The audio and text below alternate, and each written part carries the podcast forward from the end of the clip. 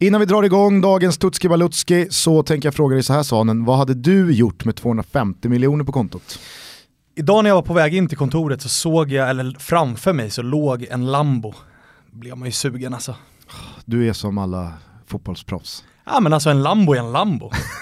Och 250 mil, är, jag har ju råd med en Lambo. Du har precis fått barn. Och det enda du tänker på är en Lambo. Alltså 250 mil, en Lambo kan man ju unna sig i alla fall. Ja det kanske man kan. Varför pratar vi om en kvarts miljard då tror du? Betsson har ju en superduper kampanj här inför VM. Precis, eh, de har sjösatt en eh, VM-kampanj och ett VM-tips som slår det mesta, i alla fall vad gäller prisbord. Det ligger alltså 250 miljoner kronor i potten till den som lyckas sätta hela VM, alltså hur det slutar vad gäller grupp 1, grupp 2 och sen segrare i de alla slutspelsmatcherna. Kan tyckas enkelt, kommer förmodligen inte vara speciellt enkelt, men det är ju ingenting jag i alla fall kommer eh, missa att ha fyllt i innan festen drar igång. Man måste ju vara där och man måste jaga lite skrällar. Vi minns förra VM till exempel när Costa Rica gick och vann gruppen med Uruguay, Italien och England. Så att eh, det gäller att man gör sin läxa, läser på lite och försöker pricka de här skrällarna. Hjärta eller hjärna kring Sverige, det blir ju svårt. Den är tuff alltså. Det mm. lär väl sluta med någon form av kompromiss. Och det enda man vet är att man kommer att ha fel. Ja. Eh, hur gör man då för att delta i det här VM-tipset? Jo, man är en registrerad medlem på Betsson och man har placerat ett spel värt 100 kronor innan VM drar igång på valfri VM-marknad. Då ges man möjlighet att fylla i det här tipset. In på Betsson.com, ni kan inte missa allt ni behöver veta väl där. Tack till Betsson, nu rullar Kimpa igång introt och så kör vi Tutski Balutski.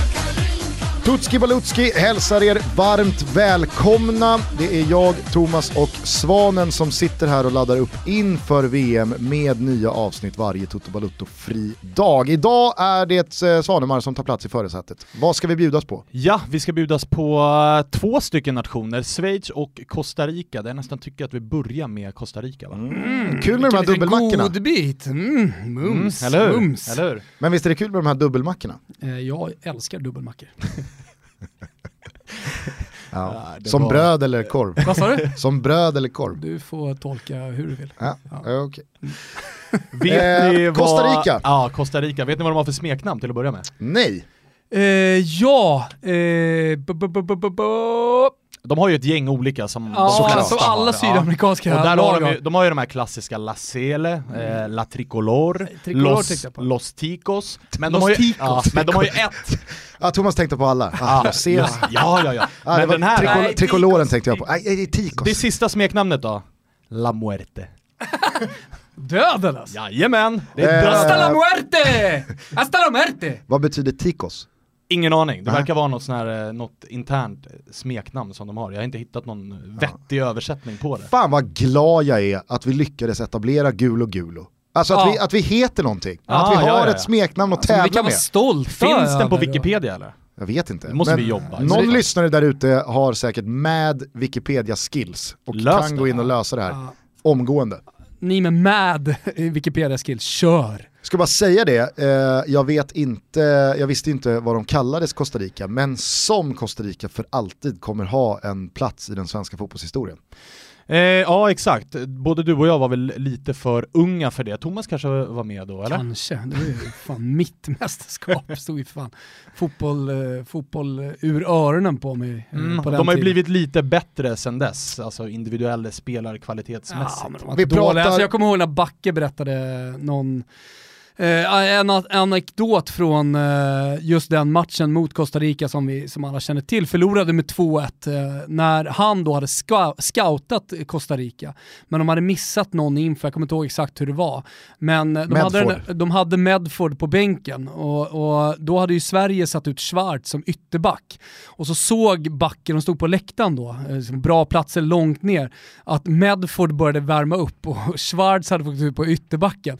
Så de rusar ner, någon gubbe tillsammans med Backe och började banka på plexit där på Marassi Arena och försökte ropa sig åt helvete till Olle Nordin, Medford in, du måste ta bort Schwarz! Och vad är det första som händer alltså? Medford kommer in, rundar Schwarz, det är gata och det är 2-1 till Costa Rica. Så där om Backe hade gjort sig hörd. Fan om det inte är eh, Marassis jävla plexiglas fel att vi åkte, åkte på 2-1 där, men om Backe i alla fall hade nått fram, då, då hade vi aldrig åkt på det där målet. Fan vad Backe har klarat sig undan skuld i detta 1-2, 1-2, 1-2 debacle Jag vet inte om han har någon officiell roll. Jag vet bara att den här, han har berättat den här anekdoten och sagt till mig att jag får aldrig berätta för det kommer komma någon, någon memoarer någon gång i tiden. Nu har jag sagt det. Medfords inhopp och sedermera då avgörande ledde ju fram till, i svenska landslagssammanhang, den längsta teorigenomgången av en motståndare någonsin, fyra år senare när Benny Lennartsson har varit scout för Kamerun och kör en dragning på tre och en halv timme.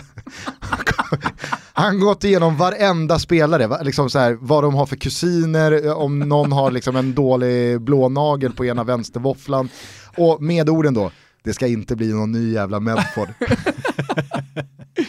ja, du ser hänt en del med Costa Rica sedan dess. Asså? Ja. ja det får man verkligen säga, satan vad de flög för fyra år sedan. Ja, då vann de ju gruppen före Uruguay, men framförallt före England och Italien, mm. som ju kom sist. Så ja. nu hoppas man får Sen åkte de ut på straffar, det ska vi inte heller glömma Exakt, vi kommer till det. Eh, vill ni höra hur de tog sig till eh, VM? Om vi vill. Mm. Ja. Då kommer ett kort svep.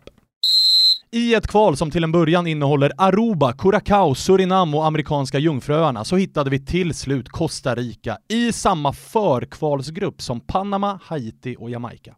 Den gruppen slaktade man och tog sig till nästa runda där formen fortsatte vara positiv. Glädjen visste inga gränser när man hade lekstuga mot USA på hemmaplan i en match man vann med 4-0.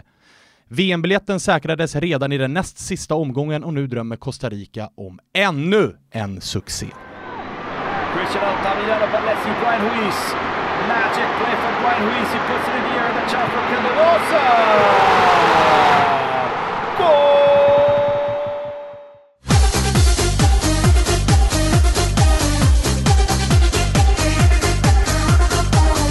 Fan vad man ändå hade velat, och jag ska lova mig själv att göra det nästa gång. Alltså jag ska, sätta, jag ska, jag ska försöka få tag i de här förkvalsmatcherna. Vilka lag var det i de där eh, första, första vändan? Ja. Curacao, Surinam, Amerikanska jungfruöarna. Amerikanska jungfruöarna, alltså, man vill ju se en match med dem. Eh, Varför ja, gör ja, man inte det? Det måste finnas så många sköna lirare i de där lagen. Ja, ah, det finns det definitivt. Och det man kanske minns mest från Costa Ricas kval är ju annars den här matchen mot Panama.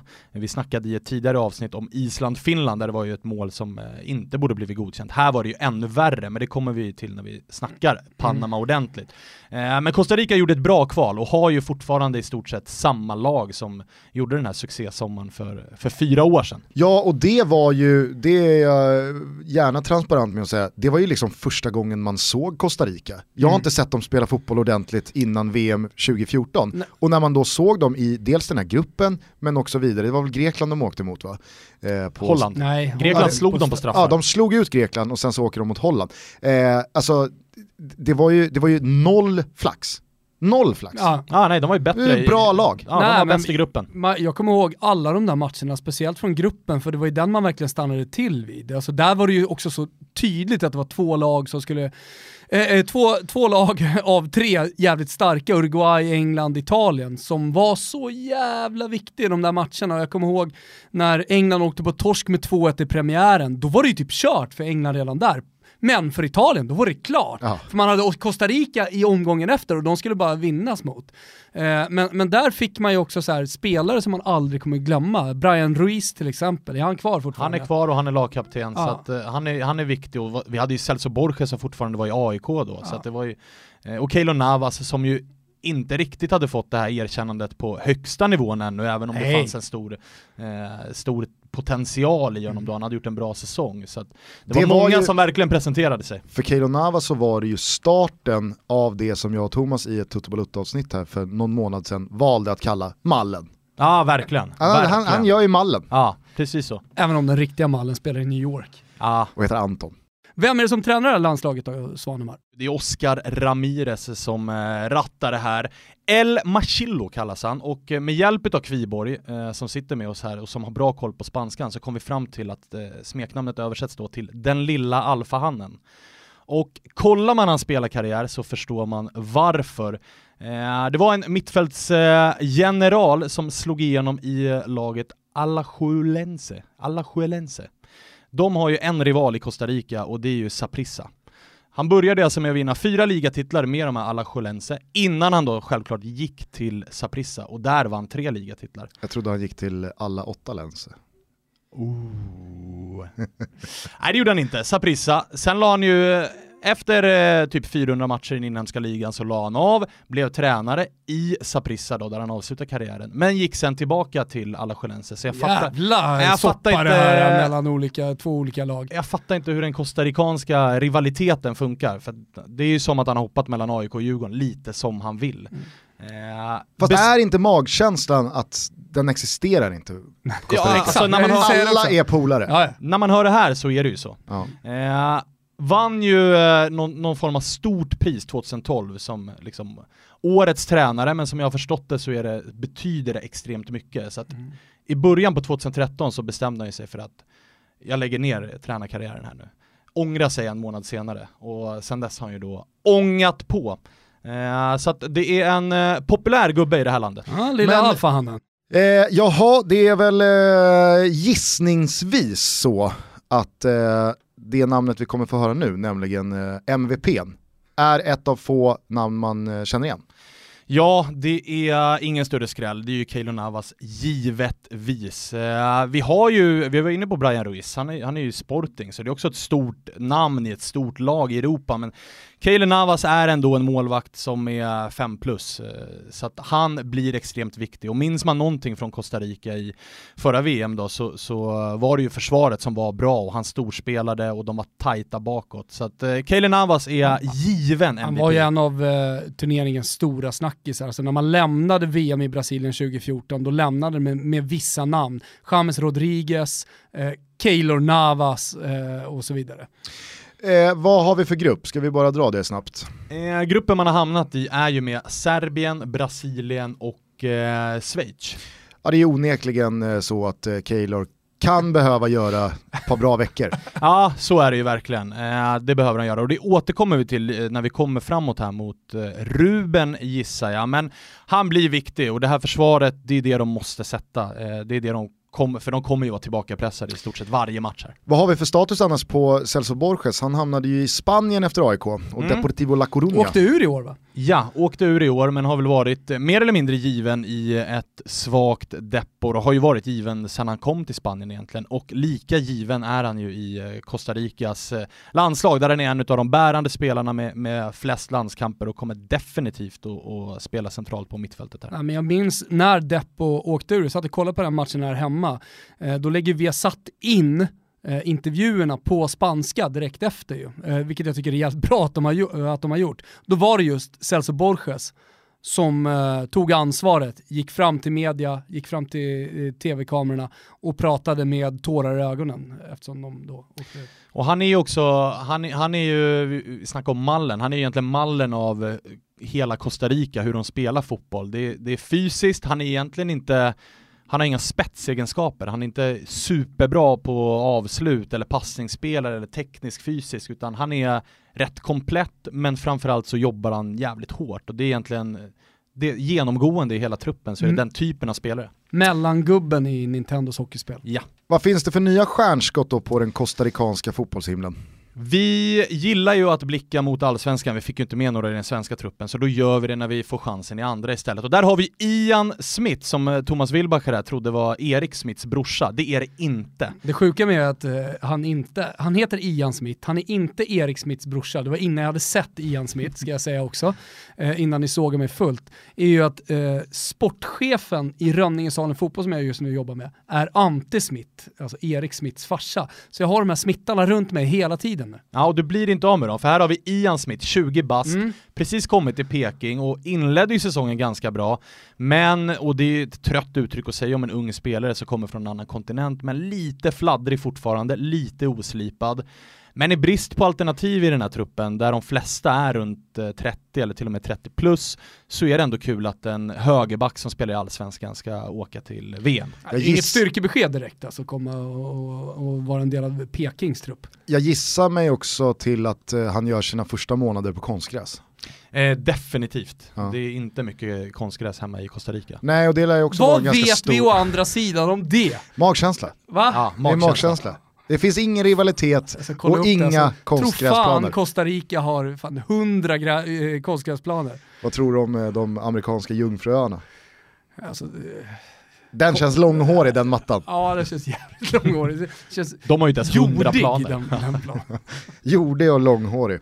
Eh, ja, nej men jag, jag, jag, måste verkligen hålla med. Det är kul och mäktigt med VM-spelare i Allsvenskan, inte minst från liksom, ett lag som Norrköping, alltså, han, han är 20 bast. Fatta att glida in i omklädningsrummet och bara Uh, nu piper jag till VM då.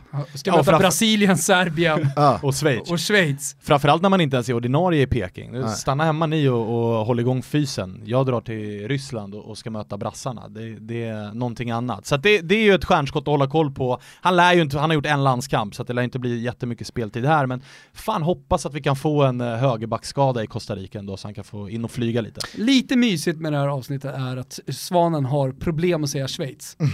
Ja, och, och att jag sen ska ratta det landet. vad heter de sa? Schweiz. Ja, bättre. Mm. Ja, eh, vad, snack, vad snackas det om då i Costa Rica förutom att alla är polare?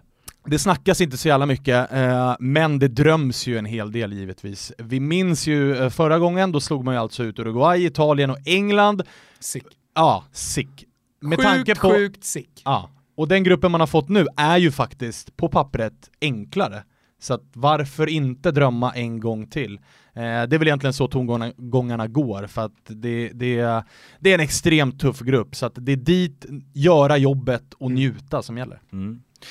Eh, vad, vad, tror du det då landar i för slags förväntningar? Det känns ju lite som att, eller vad vet jag, det är så, det är så jag uppfattat eh, de kostarikanska framgångarna och kanske framförallt supporterna.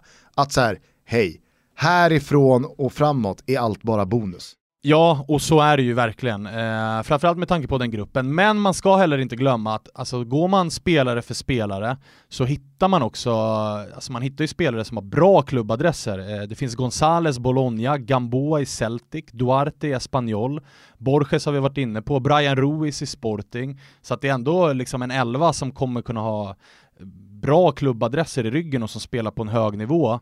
Eh, och som har blivit, det är samma lag egentligen som senast, men alla har blivit fyra år bättre och ska väl egentligen pika nu när man är 30, 29, 30, 31 snarare än vad man gjorde för fyra år sedan. Så förväntningarna är ändå att, eh, att göra match utav det. Ja, ja, alltså jag eh, tvivlar inte ett dugg på deras kunnande, det har jag ju sagt. Alltså, jag har sett de här, eh, framförallt då i VM senast, och liksom, ja, det råder ju inga tvivel om att det är ett riktigt bra fotbollslag. Och det förväntar jag mig att de kommer vara den här sommaren också. Jag pratade bara om just den här eh, förväntningen på sig själva, förväntningarna från supporterna. Det kändes ju som att när du vann den där gruppen mot England, Uruguay, Italien, det var ju tv-pucken och liksom, det här ja, är det, det luktade ju helg då.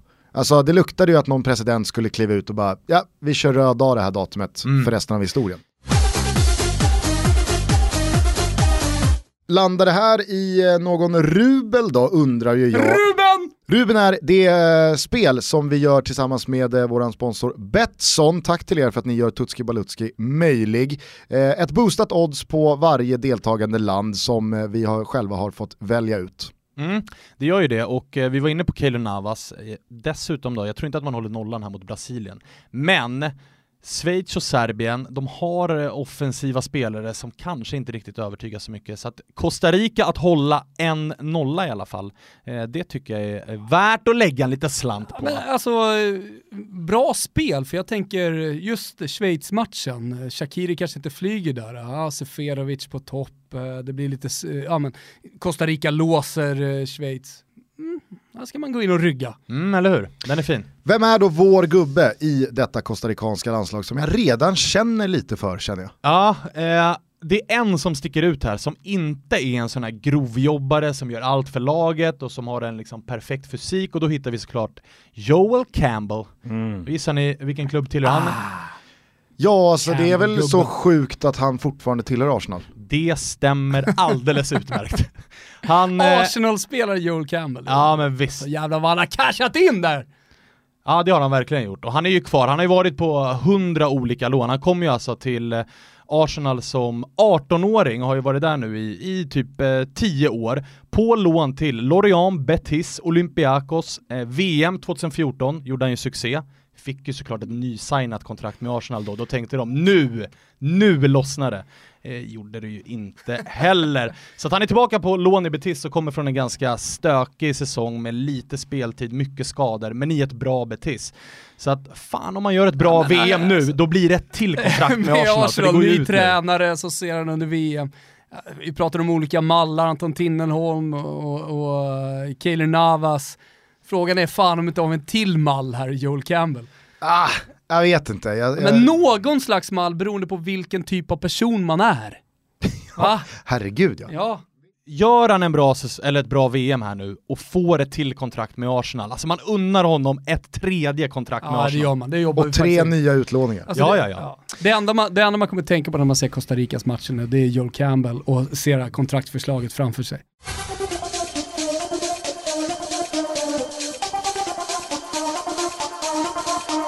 Eh, ska vi stänga ner Costa Rica då och eh, raskt ge oss in i gruppkollegan Schweiz? Det tycker jag att vi gör. Eh, får jobba på uttalet, men det kanske tar sig ja, ju längre tid eh, vi kommer. Men vi kan ju börja med kvalet. Ja. Ostarna från Alplandet promenerade genom sitt kval. På tio matcher så vann man de första nio och eh, det, då tror ni säkert att det var en direktplats. Nej, man förlorade ju den sista matchen borta mot Portugal och fick därmed kvala på grund av sämre målskillnad. Surt sa räven. I playoffet ställdes man mot Nordirland i ett dubbelmöte som blev jämnare än många trott. Ricardo Rodriguez straffmål i den första matchen blev det enda och den hårfagre mittbacken sköt därmed Schweiz till landets fjärde raka världsmästerskap. Rodriguez nimmt Anlauf, Rodriguez schießt Tor! Für die Schweiz! Ricardo Rodriguez!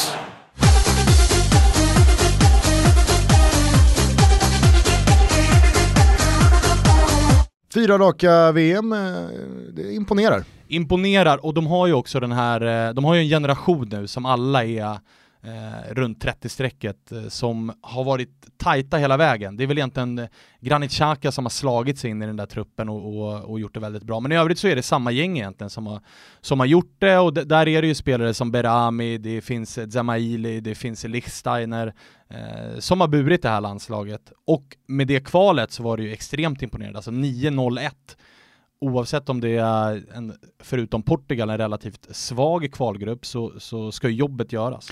Ja, jag minns ju det här kvalet mycket, mycket väl i och med att du, jag och två kompisar till hade ett långtidsspel på att eh, fyra lag skulle vinna sina respektive kvalgrupper, däribland Portugal. Och allting börjar med att Schweiz vinner med 2-0 i den första rundan och man vet att ja, det är ett och ett halvt år till matchen i Portugal.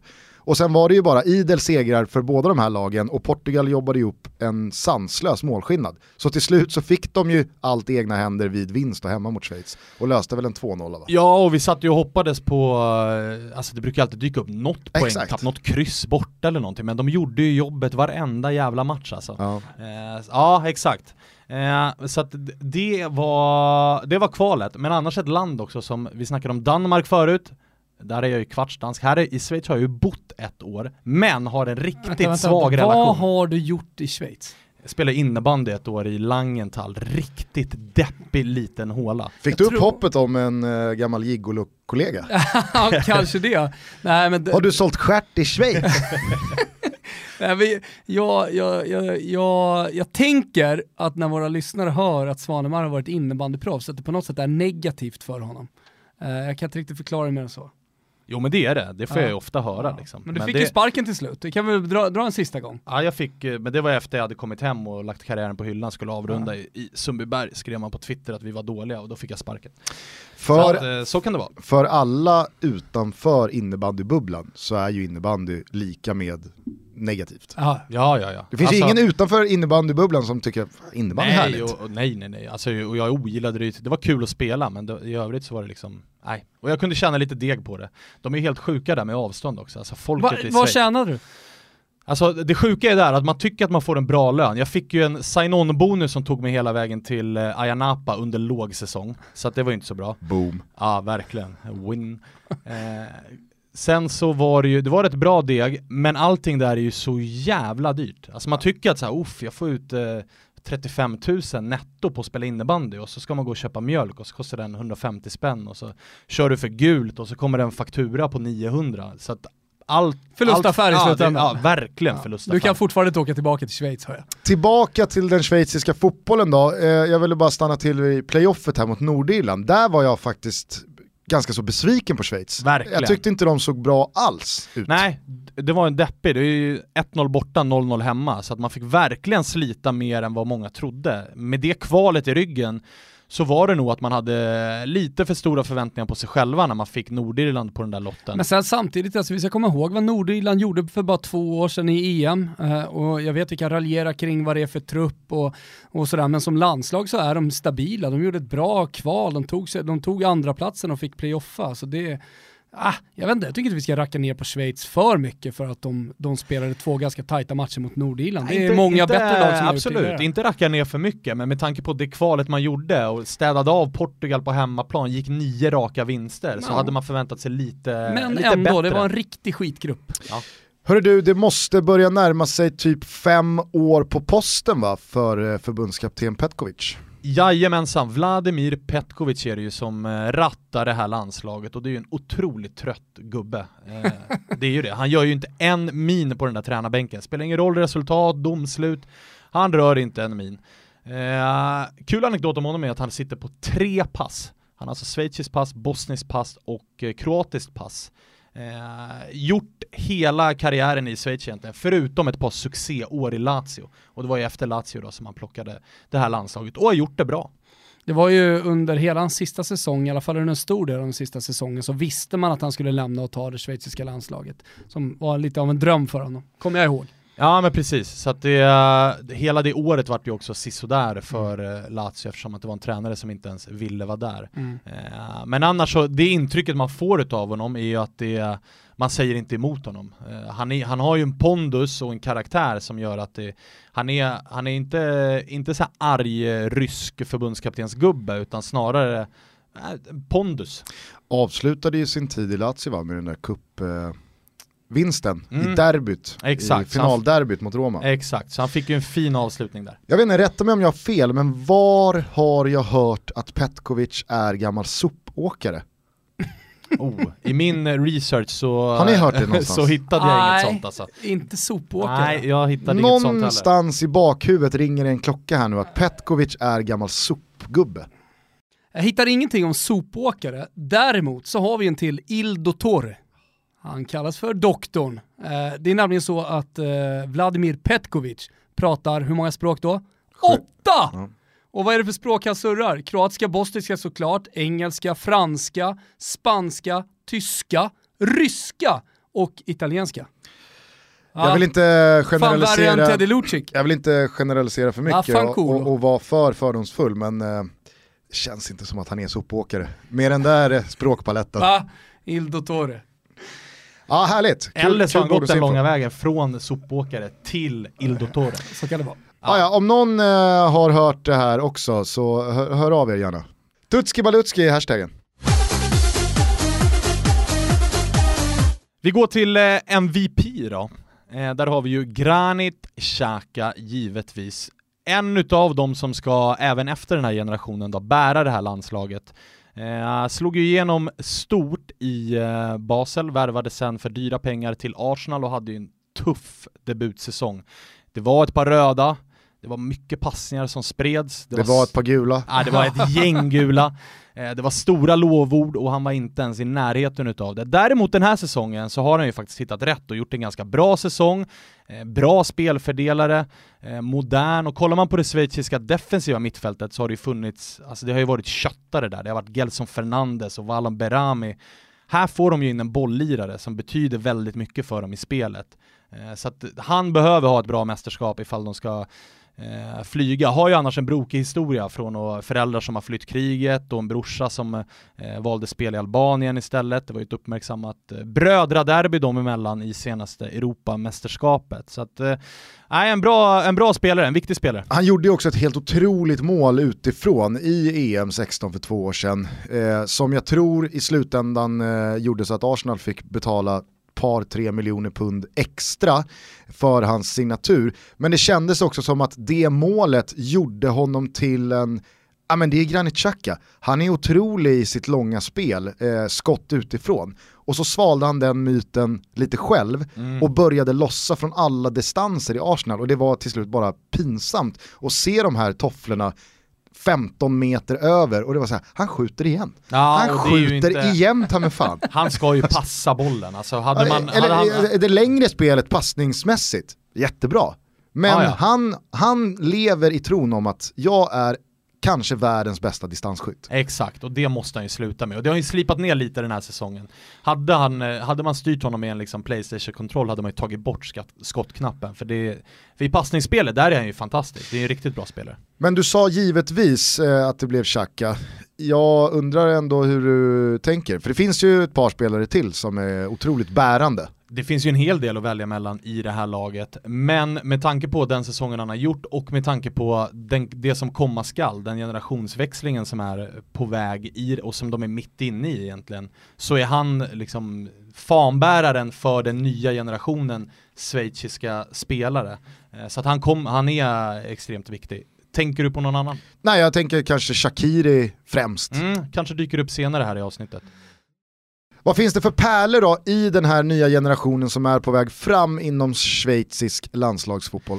En som sticker ut eh, väldigt mycket är ju Bril Mbolo. Eh, snackades ju extremt mycket om honom för ett par år sedan. Mm. Eh, född i Kamerun, slog igenom i Basel och rankades ju eh, på många listor som liksom topp fem världens största fotbollstalanger. Ja, så när han landade i Schalke så var det väl liksom, det blev Schalke som fick en Bolo. Ja, och det var verkligen så här, och nu väljer han smart, för han väljer en klubb som han kan ta en tröja i ganska omgående. Eh, men det har ju inte riktigt flugit där, han har inte riktigt tagit en ordinarie tröja eh, och har ju fått slita för sin speltid. När han har spelat har han visat att potentialen fortfarande finns. Eh, och han är ju bara 21 så vi ska ja, inte, men alltså, menar det. Är ni med? Det finns fortfarande lång tid kvar för honom. Eh, så att, men att han, eh, numera nämns han ju inte som det här är next big thing i världen. Eh, men Schweiz hoppas väldigt mycket på honom och som 21-åring, han är redan uppe på runt 30 landskamper. Så att i det här landslaget så får han spela och eh, där, där vilar ju mycket av hoppet offensivt för att de andra anfallarna, Seferovic, Dur, eller vad heter han, Dirmic, mm. eh, de har inte riktigt flugit den här säsongen. Så att kanske att det här kan bli en Bolos riktigt stora genombrott för den internationella publiken. Ja, men jag tror eh, att Seferovic, och de kommer säkert, Seferovic kommer starta längst fram, men att Mbolo sitter redo på bänken. Och precis som du säger, här har vi ett stjärnskott, här har vi en spelare, en ung spelare, som man verkligen ska hålla koll på i det här mästerskapet. Mm. De är inte så många, och som dessutom startar från bänken.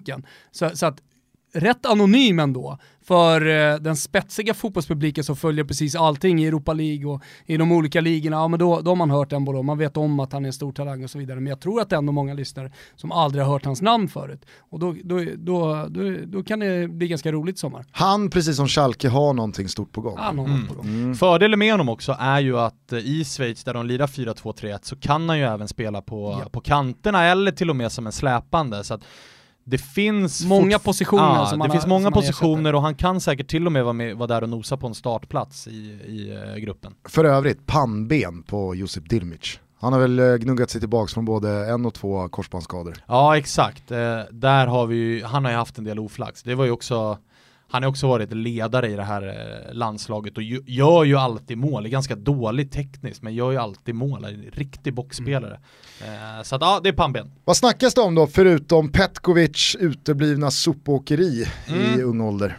Eh, att det är lite sista chansen för många utav de här spelarna. Eh, Lichsteiner, Berami, Zemaili, Djuru, Gelson Fernandes, Eh, Eh, alla de är 30 plus, alla de har varit nyckelspelare i det här landslaget i många, många år och egentligen tagit landslaget från att vara ah, ett lite sisådär Ett lag som man inte tänker ja. på så jättemycket i ett kval. Till att liksom spela fyra raka världsmästerskap och, och, och vara ett bra landslag. Eh, ja, men det är som du säger, de har ju varit en ryggrad, de har ju varit nyckelspelare eh, för ett schweiziskt landslag som har gått från egentligen ingenstans till att bli, eh, men när de kom fram alla de här spelarna, eftersom det var så många unga talanger samtidigt, så pratade man ju till och med om dem som, som en outsider, att vinna framtida, ja men framförallt då kanske 2016 EM. Mm. Men, men så pass stora talanger var de när de kom. Och dessutom så är ju många utav dem som har ursprung från andra länder än Schweiz, många vars föräldrar har flytt krig och liknande, så det är, en, det är en, en speciell grupp på så sätt att det är många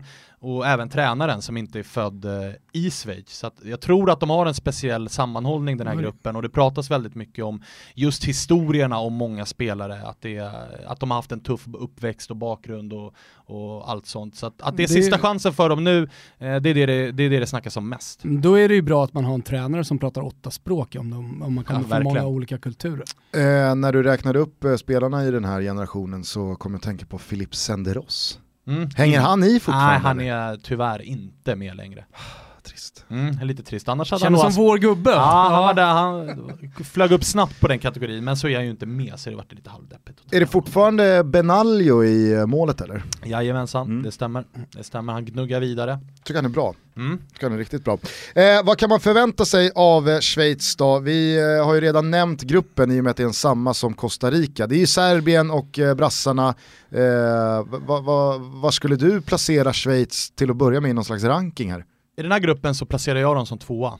Eh, jag tycker att de är, alltså ett mer... De har kommit längre som lag. De har kommit längre som lag, de har en mer liksom homogen grupp och vi har sett det i många mästerskap tidigare. Alltså, vi, vi, har pratat om Island, vi har pratat om Costa Rica, att det betyder väldigt mycket att vara samspelta och ha gjort jobbet väldigt länge, medan i Serbien kanske det spretar lite mer. Eh, ja men mer, mer individuell talang i Serbien, Exakt. men eh, som lag så är Schweiz Exakt. bättre. Och, Brasilien, och när man väger in allt. Brasilien såklart givna favoriter. Costa Rica, nej jag tror inte att det flyger den här gången. Så att Schweiz, jag placerar dem som eh, tvåa i den här gruppen och det är också förväntningarna på dem att ja, ta sig vidare Stora förväntningar gruppen. ändå att, att ta sig vidare. Ja. Kokar det här ner till någon rubel? Ruben! Det blir givetvis en rubel och då fortsätter vi på det spåret. För jag tror att man ryker i åttondelsfinal. För kommer man tvåa i den här gruppen då väntar ju vinnaren i Sveriges grupp och där bör vi ha Tyskland. Så att Schweiz tar sig vidare från gruppen, men sen väntar tysken och det blir alldeles för svårt. Så Schweiz att åka ur i åttondelsfinal? Det stämmer bra. Härligt, det här eh, boostade oddset finns såklart också på Betsson under godbitar och boostade odds. Nu är man ju nyfiken på vem som är våran gubbe. Av uteslutningsmetoden att döma så misstänker jag att hans namn nu nämns. Ja, exakt. Eh, jag var sugen på att ta lite så hipster och välja någon sån här Zemaili, skjuter så hårt och ja, hans fru Ja men det ska kännas ja. i hela magen att det här är, är vår gubbe. Det, det, det där, finns ju en given, men den vill man ju inte alltid välja. Men i det här fallet så slutar man ändå på att det blir Sheridan Shakiri. Vad var det där dock med Jemailis fru? hon stal ju en hel del rubriker i förra eh, EM här i, i Frankrike. Ni ja. var ju nere på plats, jag var ju, kunde följa eh, sociala medier lite mer ordentligt än vad ni gjorde. Och, ja, jag gissar att de kommer göra det här mästerskapet också, så att, håll ut. Okej, okay. eh, Sherdan Shakiri, mm. det lilla kassaskåpet från Stoke. Ja, alltså som han älskar gymmet. Eh, det är ju givet ta honom, men med de vaderna, alltså att han lyfter 150 bänk när han sover, alltså det, och spelare som alltid har en tendens att göra drömmål. Då, Ja, det man måste man med- hålla en tumme för. Det man gillar med Shakiri det är att han är den där offensiva mittfältaren som startar precis bakom eh, en, en anfallare eller flera anfallare eh, och är den tekniska killen. Alltså han är eh, ja, Mertens, han är Coutinho, Eh, och han har landat i Stoke och är deras då, låt oss säga fantasista nummer 10 som gör det där lilla extra, han har också ett skott. Men han är nummer 10 men inte riktigt nått hela vägen upp som sina kollegor. Nej, och är 26 bast, redan spelat i liksom Bayern München, Inter. Sen gillar man också egenskapen han har att han kan ju vika in ifrån höger, det kan vara två gubbar fria på bortre, han skjuter sju meter över och ber inte ens om ursäkt för att han sköt. Det är en egenskap som vi gillar. Jag kan dock fortfarande störa mig på att han valde att gå till Bayern München i det läge han gjorde. Alltså efter eh, succégenombrott i Basel, ah, vad går man till för lag? Bayern München och konkurrerar med Arjen Robben. Jo, men han vill ju ha, han vill ha famen. Självklart, men jag tror att hade han valt en smartare Gustav, jag skulle klubb vilja där, se dig tacka nej till Bayern München när det ligger på bordet. nej det är bra Samuel. Nej tack. Nej, Nej. nej, Nej jag men du nämnde ju jag det kring en boll. Alltså att han valde Schalke när i princip alla drakarna stod uppradade och, och ville ha hans tjänster så väljer han eh, Schalke. Jag är helt övertygad om att hade Shakiri valt ett liknande val då, när han lämnade Basel, så hade han inte spelat i Stoke idag. Nej, och hade han haft en rådgivare eller agent eller vad det nu är som hade sagt att så här, du fan jobba lite mer på snabbheten kanske och lite mindre bänkpress så hade han också kommit lite längre än vad han är idag för att han är ju tung ibland alltså. Det ser ut att gå fort, men det går inte speciellt fort. Han gjorde väl hela EM-turneringens eh, snyggaste mål sist. Ja. Och eh, det är nästan som man förväntar sig något liknande i sommar. Alltså, vi blir ju besvikna ifall han inte gör något. Ja. Härligt, eh, ska vi stänga ner Costa Rica och Schweiz i och med det? Det tycker jag. Tack så mycket Schweiz, tack Costa Rica, vad kul när ni kom, ännu roligare när ni gick. Och tack till alla som lyssnat och lyssnar på Tutski Balutski. Och alla ni som har köpt biljetter, det ska bli kul att träffa er när vi drar igång vårat Toto-VM på Hotell Kung Karls festvåning. Ni som inte har köpt biljetter, gå in på totobalutto.se och se till er att skaffa det. Verkligen, det kommer bli hur roligt som helst. Jag och Thomas lovar er att lägga ner all vår tid, själ och hjärta för att ni ska ha det så roligt som möjligt. Vi ses på Hotell Kung Karl. Eh, bra jobbat Svanen! Tack! Mycket fint avsnitt. Vi hörs snart igen. Nazdrovje! Nazdrovje! Nazdrovi. out of the ruins, out from the just day.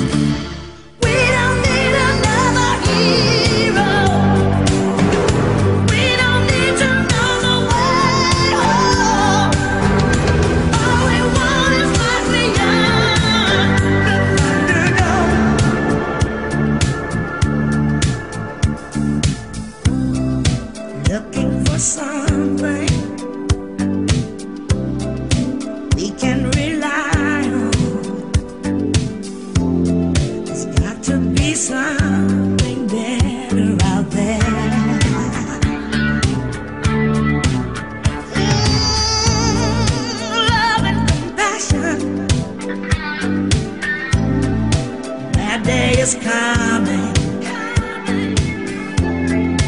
All else are castles built in the air.